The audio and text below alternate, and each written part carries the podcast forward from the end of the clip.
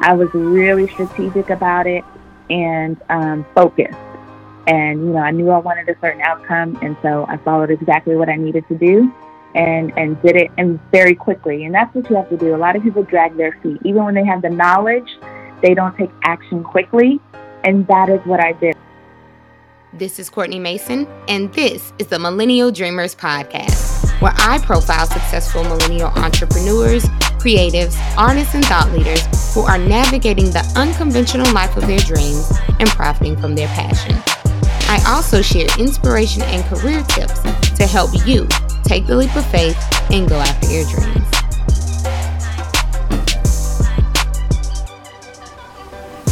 A number of articles have been written and surveys taken about millennials and credit. The vast majority of them suggest that millennials are making grave missteps. That's exactly why I wanted to tackle this topic with an expert who has proven knowledge and experience and who can help us with both personal and business credit. Just a heads up, you may want to listen to this episode twice and with a pen and paper handy because it's essentially a masterclass. Let's get into it.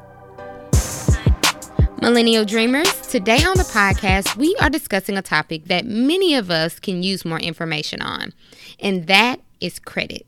Joining me to help facilitate this discussion and teach us a thing or two is Stephanie Lawrence of Precision Credit Restoration. Stephanie, welcome to the podcast.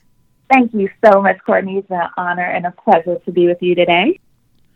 I'm so excited to have you on because this is a topic that so many people have requested and it's one that I know we all can use more information on because more a lot of people are either trying to repair their credit or improve it in some way. So I'm definitely ready to jump right in. But before we get started, I wanted to ask that you give our listeners a brief glimpse into your background. Sure, sure. So I've been a credit specialist for 12 years now. And over the 12 years, I've used my expertise to help thousands of people achieve 700 plus credit scores. And that has allowed them to purchase their first home, uh, reduce their interest rates, buy a car with pretty much 0% interest rates, and overall improve their quality of life. And it has been such a wonderful journey, and it is my true passion, and I love what I do. It doesn't even feel like work. So um, it's a lovely thing to do to be able to lift that financial burden off of people's shoulders so that they can actually go forward and achieve their financial dreams. I'm glad you stated all those reasons because I noted that there are lots of um, reasons improve their credit. Namely, you know, you want to be approved for a home loan to purchase your first home, buy a reliable car, or you, you have a small business and you want to get a small business loan. So, but why is credit so important in the first place for all of those things? Yes, that's such a good question. Um, pretty much in today's society, credit is is vital. It, it really determines whether or not you can move to a better apartment, um, achieve any financial goals that you may have to starting a new business, and it dictates the prices you pretty much pay for everything. Um, there's a lot of people that don't know that you can have millions of dollars in the bank, but without having a credit profile or even good credit, you won't be able to really achieve much because credit really dictates your approval status. And so, you know, everything is run and based on credit. So if your credit is poor, you can pretty be sure to plan to end up paying, you know, ridiculously high interest rates, um, high security deposits when applying for even a cell phone or utilities for your apartment. Um, you know, your apartment may require uh, two months rent for a security deposit, and your insurance rates can be higher than someone with a better credit score. So it can really stand in the way of you getting a job or a promotion.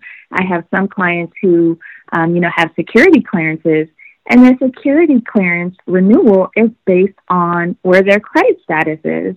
So that's even important. So you don't want that to come in between you making money either.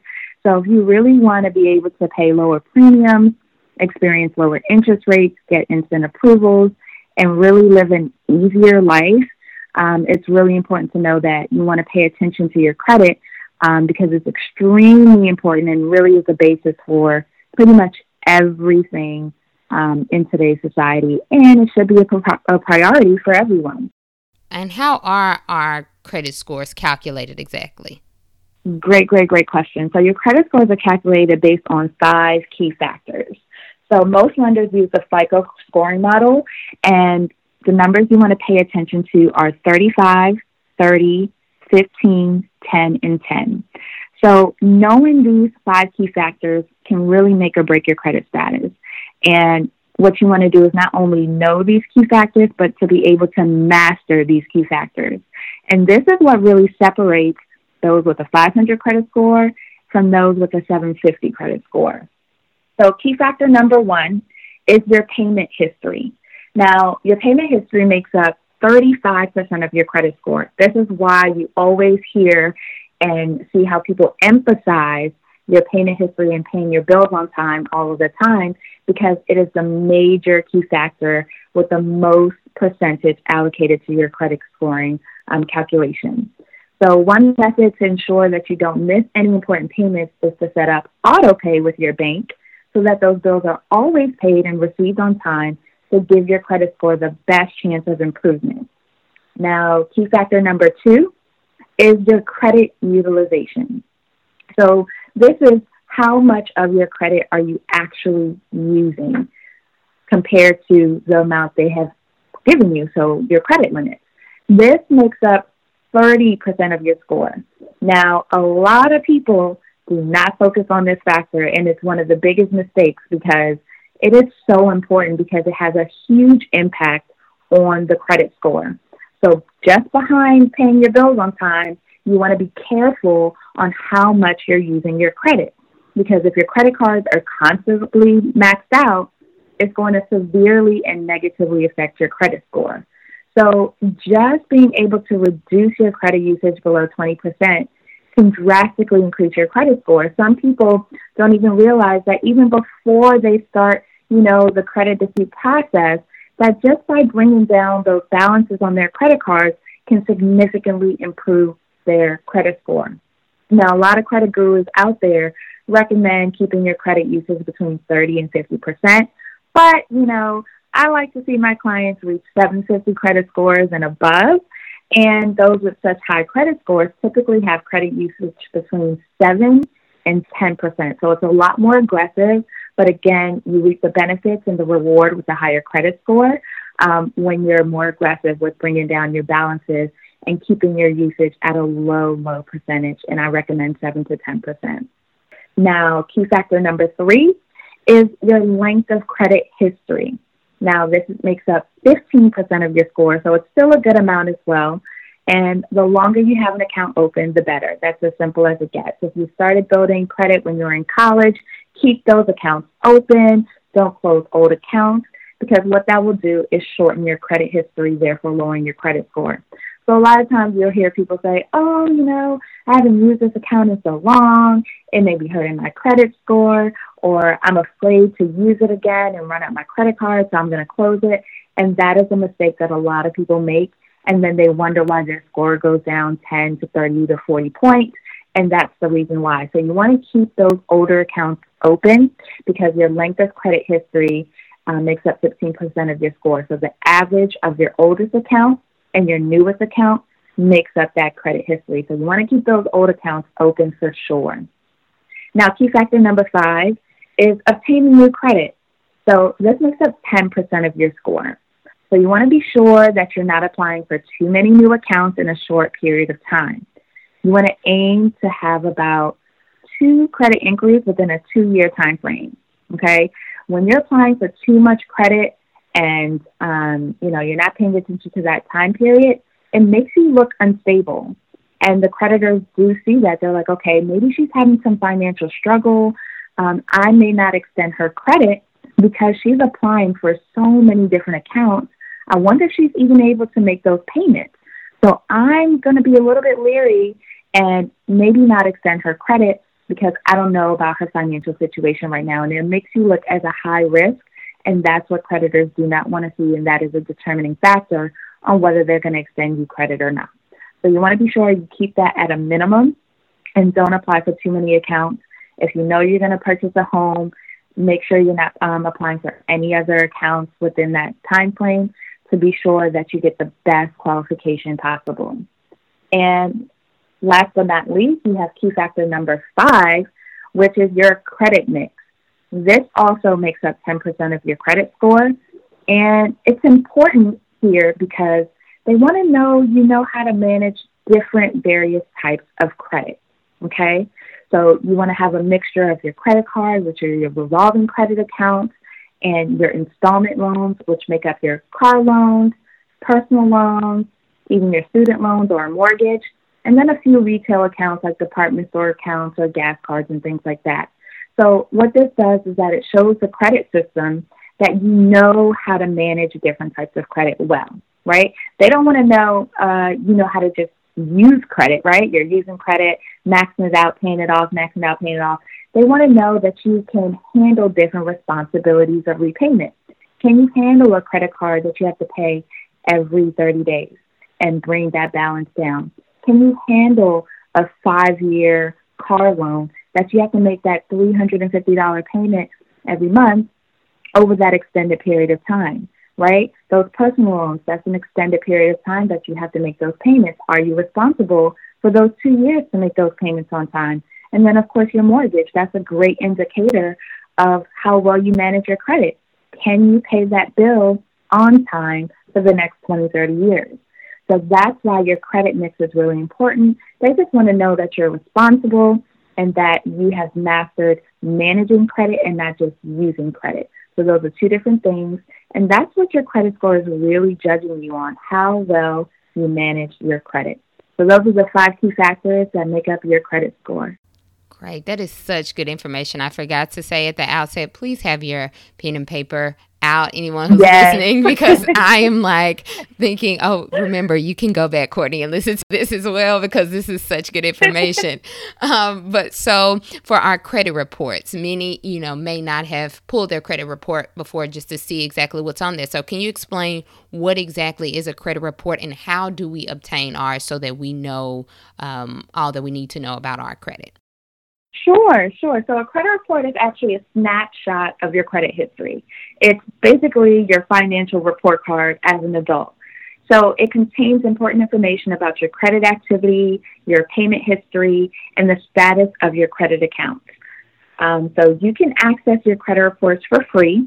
You can visit a site called annualcreditreport.com. That's www.annualcreditreport.com. And by law, you are entitled to a free credit report once every 12 months. Okay, I do advise that you check your credit report more regularly because there could be inaccuracies and errors on there that you may miss within a 12 period of time, 12 month period of time. Um, so I would recommend signing up for credit monitoring to be sure that you're receiving alerts on your credit history and to be aware of what's going on with your credit and to be able to ensure that you can improve your credit at any moment. But you can access your current credit reports for free at annualcreditreport.com and be able to review it and make sure that everything is accurate. Okay, and you mentioned that um, there could be errors on the report. Now, if we obtain our report and we notice that there's some negative items or or any errors, what should we do about those things? Great question.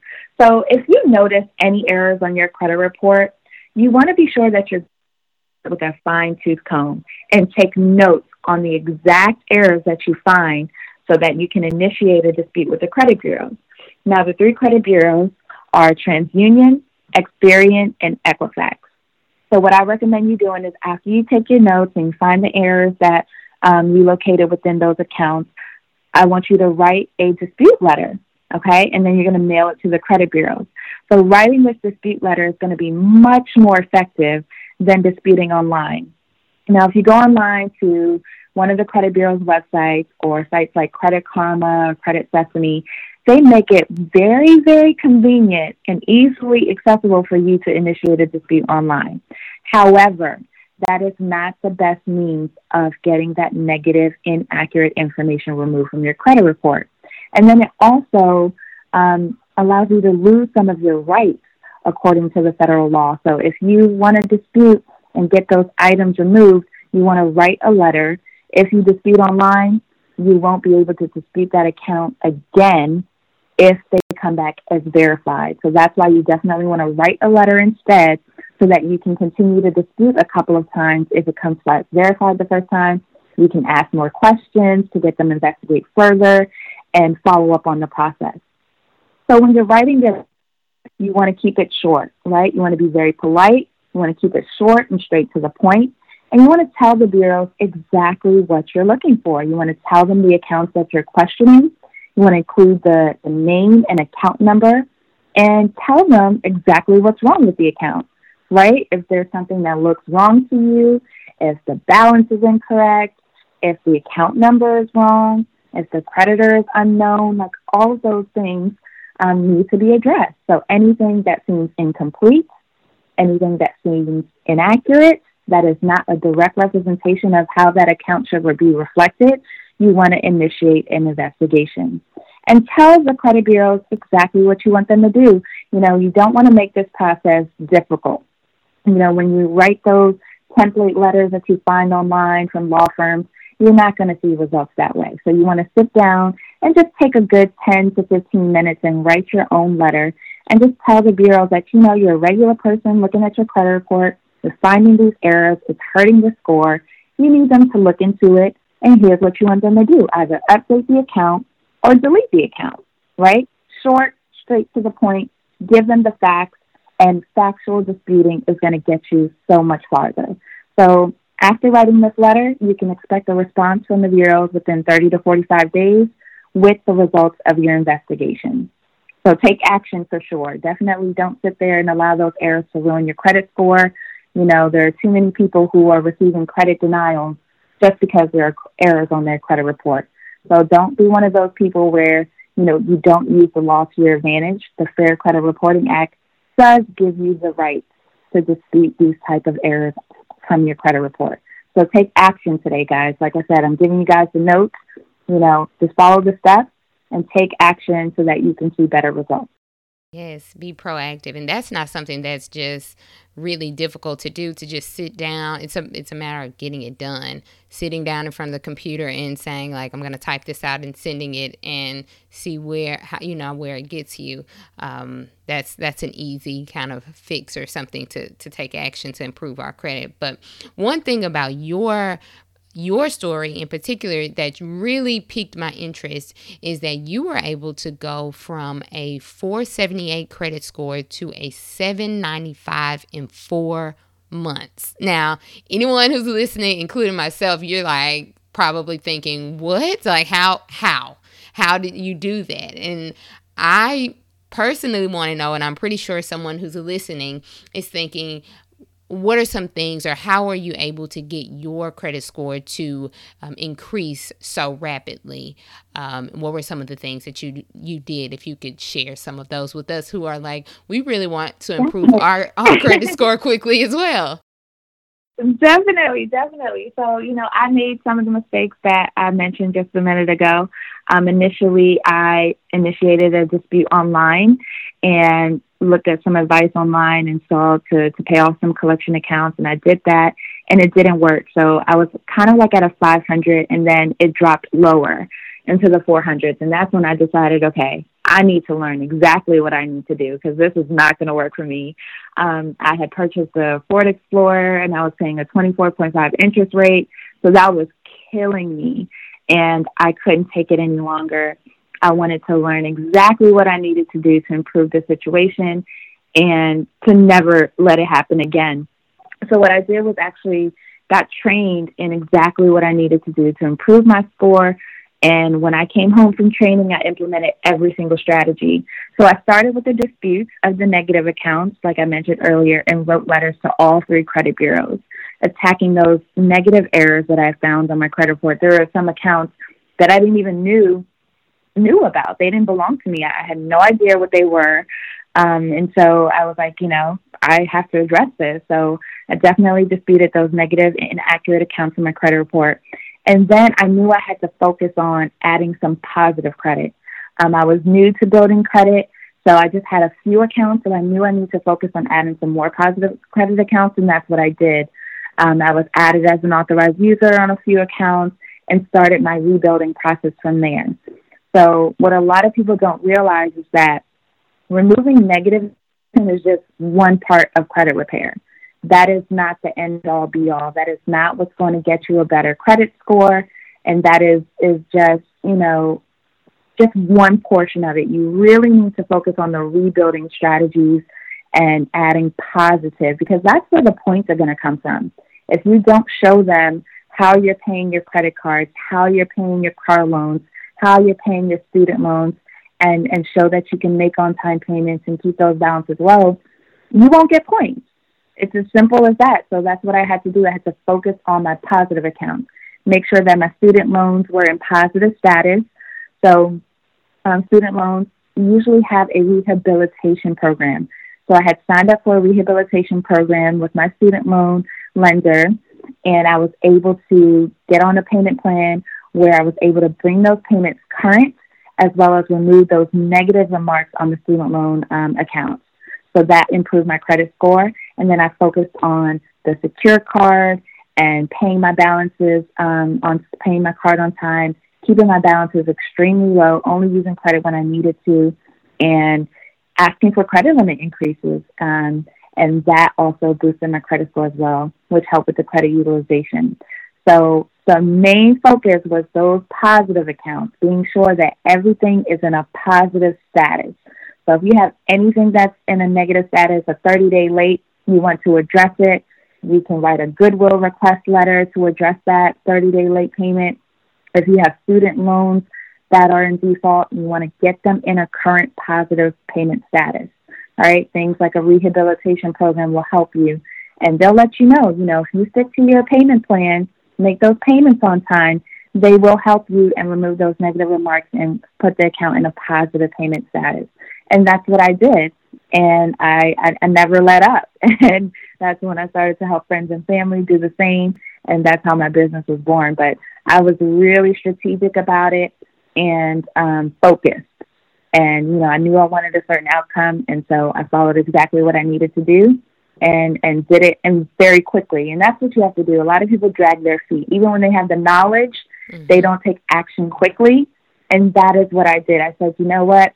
I didn't even unpack my bags. Like i literally went to the computer and started implementing everything i needed to do. And that's why i saw results so quickly because i acted on what i needed to do and i did it very quickly Got it. And one thing you mm-hmm. mentioned mm-hmm. um, that I wanted to touch on was also being an authorized user on a credit card because sometimes it's it's not just important for us to improve our own credit. We want to help our loved ones improve their credit as well. And I know that one way to do that is through listing someone as an authorized user. So, can you explain more about that and how we can do that responsibly without allowing our own credit score um, to suffer as a result? Because I know that there are some things that can happen that could negatively impact your credit score um, if you're not conscious of it. So, can you speak to that a little bit? Sure, sure. So being added as an authorized user is also known as piggybacking. You may hear that term as well. They're interchangeable. And that is one of the fastest ways to improve your credit score. I mean, just fastest ways, okay? There is no credit inquiry involved. So this is why it's such a win-win strategy.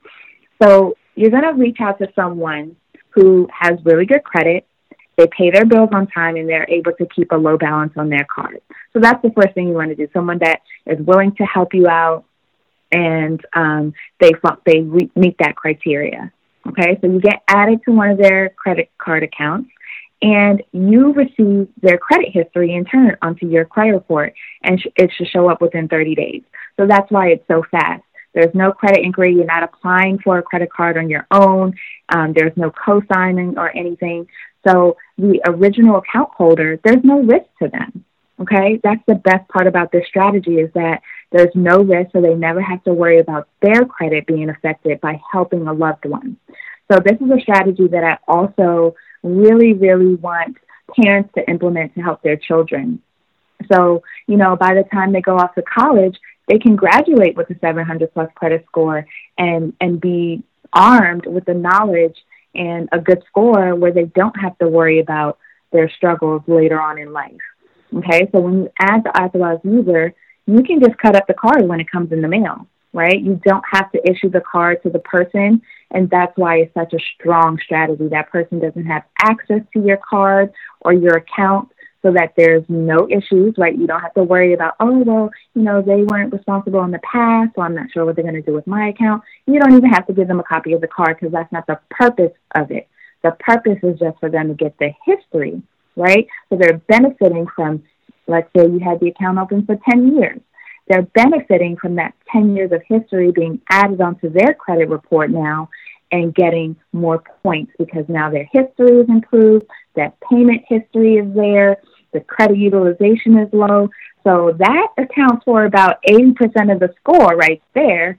And all they did was get added as an authorized user without an inquiry or anything, no hard pull on their credit or anything like that. So it's a win win strategy for the person that's looking to boost their credit score as well as the person that's offering to help them. Right. And this is so helpful. I know people are like, aha, this is an aha moment for me because I didn't I didn't know that you could do that to improve your credit score. Um, but yeah, that's that's really really helpful information. But one thing when I polled some of the listeners and mentioned that I would have a credit specialist on as a guest, a lot of people wanted to know how to improve their personal credit, but I do have a lot of listeners who either have a business or they're starting a business. And we know business credit can be really Im- important depending on what it is that you want to do with your business. So I wanted to make sure we discuss a few tips about building business credit. So you mentioned we can do that without utilizing our personal credit score or having a personal guarantee. And I'd like to know how how can you do that? Absolutely, absolutely. That's actually um, the other part of my business where I focus on helping small business owners build business credit. And it's basically you building a business credit profile for your business. And what you're doing is separating your personal from your business so that none of them are mixed. And when you're applying for um, business credit, you're going to leave your social security number off of those applications. So you're building business credit with your federal tax ID number. This is also called your EIN. This is how your business is identified in the business credit world. So it's similar to your social security number for your personal credit. This is your identification number for your business. So whenever you're completing your credit applications, you're going to use your full legal business name as well as your EIN number. And always, always leave your social security number off of the application, whether or not they ask for it. So this is a, the problem that most people make, um, is that business owners are looking to probably open up a business credit card. And what they do is they put their business name on the application, their social security number on the application, thinking that they actually have a business credit card. It's still personally guaranteed because you put down your personal credit, uh, your social security number, and now they pulled your credit and you only got that credit card now based off of your credit status. So it's very important to separate the two. And regardless if you're building credit or not, you want to always separate your personal from your business so that, you know, when it comes time to file taxes, there's no issues. Everything is separated. But that is the key way of being sure that you're building business credit the right way and that there is no personal credit check or personal guarantee. So by doing this, you're not legally liable for that debt. So let's say the business goes down, um, it's you know kind of out of your hands, you know, and now there's no way for them for them to come after your personal assets. So your personal assets are protected, right? Your bank account, your home, all of those things. But when you personally guaranteeing your your business, you know everything is is open and they can come for anything. So that's why it's so important when you're trying to build business credit that you want to separate it from your your um, personal credit, and you want to be sure that you're set up as an entity, right? If you have a business, but you're a sole proprietor or partnership, and you're not really operating as a business, you're still legally liable personally. So that's why you want to set up as a corporate entity, either an LLC or a corporation, and that's what will separate the business from your personal without having a personal credit check. Mm, so Mm. Simple, but just so impactful. Don't put yes, so simple. Yes, just you just, it's just basically having the knowledge. yes, not knowing is what prevents um, prevents us from moving forward because you know you think oh it's something really large that i need to something really big and it's just these small very small tweaks to make when going after these loans but what are some other tips for anyone who's never attempted to secure any credit um, or or any funding for their business. Can you share just a few tips that you know someone could use in order to secure funding for their business? Yes, there are a couple of tips. So, in order to secure funding for your business, um, typically you want to have at least one of the three C's. So that can be credit, cash flow, or collateral.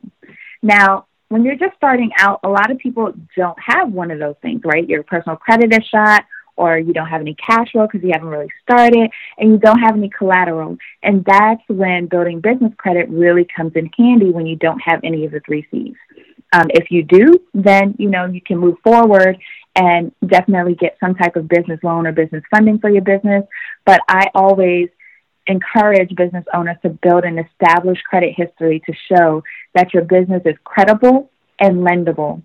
So you want to have a good business foundation. And what that means is that your business is set up so strong that it looks like you know you have a legit business. So things like having a business phone number, a business fax number, having a business email address. So not using emails like, you know, free services, Yahoo, AOL, Hotmail, Gmail. You want to look like you're credible, like you're taking your business seriously. So your email address should reflect that. Your email address should be at your company name. Okay, so those are small investments that you can make in your business to be sure that your business is viewed as credible and lendable according to the creditors. You want to be sure you have a website. You know, there are a lot of free services out there that allow you to make your own website. You just buy your hosting. Um, you want to have your EIN. You want to have a strong business name. You want to have a business address so that when they Google you, because they will, right? They won't tell you this. You go fill out your application. They won't tell you that they're going to Google and searching up your company. Um, so you want to be sure that you have a web presence, right? Social media presence. They want to know what customers see when they look up your business to know what services you provide and how they can contact you. So your website can be very, very simple, but you want to provide the information of the services you provide, how customers can contact, uh, contact you, your location, your phone number, and your email. Those are very, very important. And it's very important to also be registered with 411. Um, I know we probably haven't used 411 in ages, right? right. because we have so many other resources. However, that's what creditors use. That's what creditors use to really verify your business. So you want to just know the game and play it. So if that's what they're looking for, go ahead and be sure your business is registered with 411 and be sure that you have a business bank account, guys. Do not mix your personal bank account with your business. Um, a lot of creditors will approve you for credit for just having a business bank account, being registered with 411, and having an EIN. Okay? So you want to be sure that you have those lendable foundation pieces in mind before you even go to get funding, and that will improve your chances of getting approved. Got it. So much use for information, but you about business credit, but you also have um, created books on this particular topic as well. So, can you tell us about those books? Because now I'm like, I need to go out and, and purchase everything so I can know more about it. And so, can you tell us a little bit about your books and where we can find them? Yes, definitely. So, we have. Uh, the credit repair blueprint, which is uh, for your personal credit, you know, the step by step to improving your personal credit. And then we also have business credit unveiled. So that is really the know all about the business credit system and the steps you need to take to build a strong business credit profile the right way. And those can both be accessed on my website at www.precisioncreditrestoration.com. Got it. And do you also offer any courses for someone who wants to learn more about per- business or personal credit outside of um, books that want to kind of like listen to you and kind of get more detailed information from you about credit? Yes. Yes, definitely, definitely. So, um, I do have a course called Confident Credit, and what that is is a, a roadmap to basically improving your credit scores on your own. It is really my five step formula that I take my VIP clients through to take them from where they are to where they want to be and improving their credit scores. And you can go at your own pace. So, confident credit is a roadmap um, to improving your own credit scores. And then for business credit, uh, we have a lot of different checklists and um, ebooks on business credit to um, give you more knowledge about the topic. And then if you're interested in taking it a step further, um, I do have a VIP program uh, that you can contact me for a one-on-one consult to, to get more information on that. But we do have several checklists and um, ebooks on business credit, and you can find that at my website as well. Got it. I've loved all this information. This is so helpful. Stephanie, where can our listeners find you on all things social if they want to contact you in addition to getting um, some of your products? Where can they find you on all things social? Absolutely. So, all things social, you can find me on Instagram at the Credit Repair Queen and that is Instagram at the Credit Repair Queen. I have a private Facebook group where I teach credit all day, every day personal credit, business credit. I host classes, master classes, um, workshops, and uh, just give tips daily. And that is in my private Facebook group called the First Class Credit Society. And then you can also find me on Twitter at Credit Repair Queen. And then I'm also on LinkedIn. So LinkedIn, um, you can find me at Stephanie, the Credit Repair Queen Lawrence.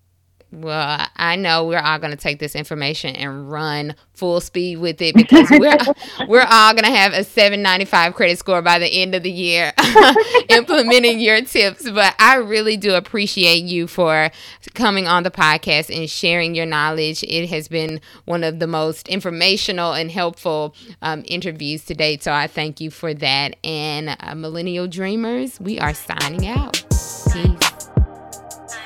Thanks for listening to this week's episode. But before you leave, hit the subscribe button and leave a comment. We want to know what you think about the episodes that you've heard so far. Let us know by subscribing and leaving a comment.